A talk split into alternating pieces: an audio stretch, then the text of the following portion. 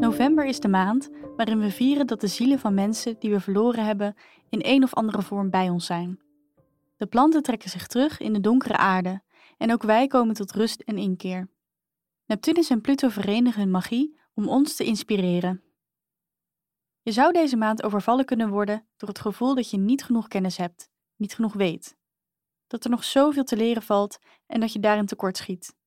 Je zou tot de kern van een bepaald onderwerp willen komen, een waarheid ontdekken die voor anderen verborgen blijft.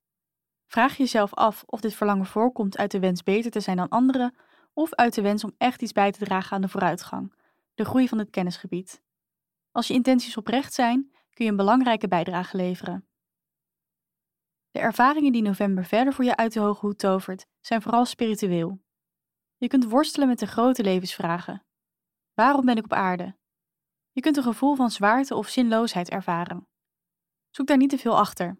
Je laat je waarschijnlijk meeslepen door de sfeer buiten. En die is donker en grijs. Daar valt gelukkig iets aan te doen. Kaars en haardvuur kunnen je stemming redden. Denk niet dat het niet zo eenvoudig zou kunnen zijn. Soms is het dat wel. Richt je aandacht op een van je verborgen talenten, of dat nu creatief of sociaal is. Er zit iets verstopt in jouw persoonlijke schatkist waar je veel te weinig mee doet. Bedankt voor het luisteren. Wil je je maandhoroscoop nooit meer missen? Vergeet dan niet om je te abonneren op ons kanaal. Liefs, happiness.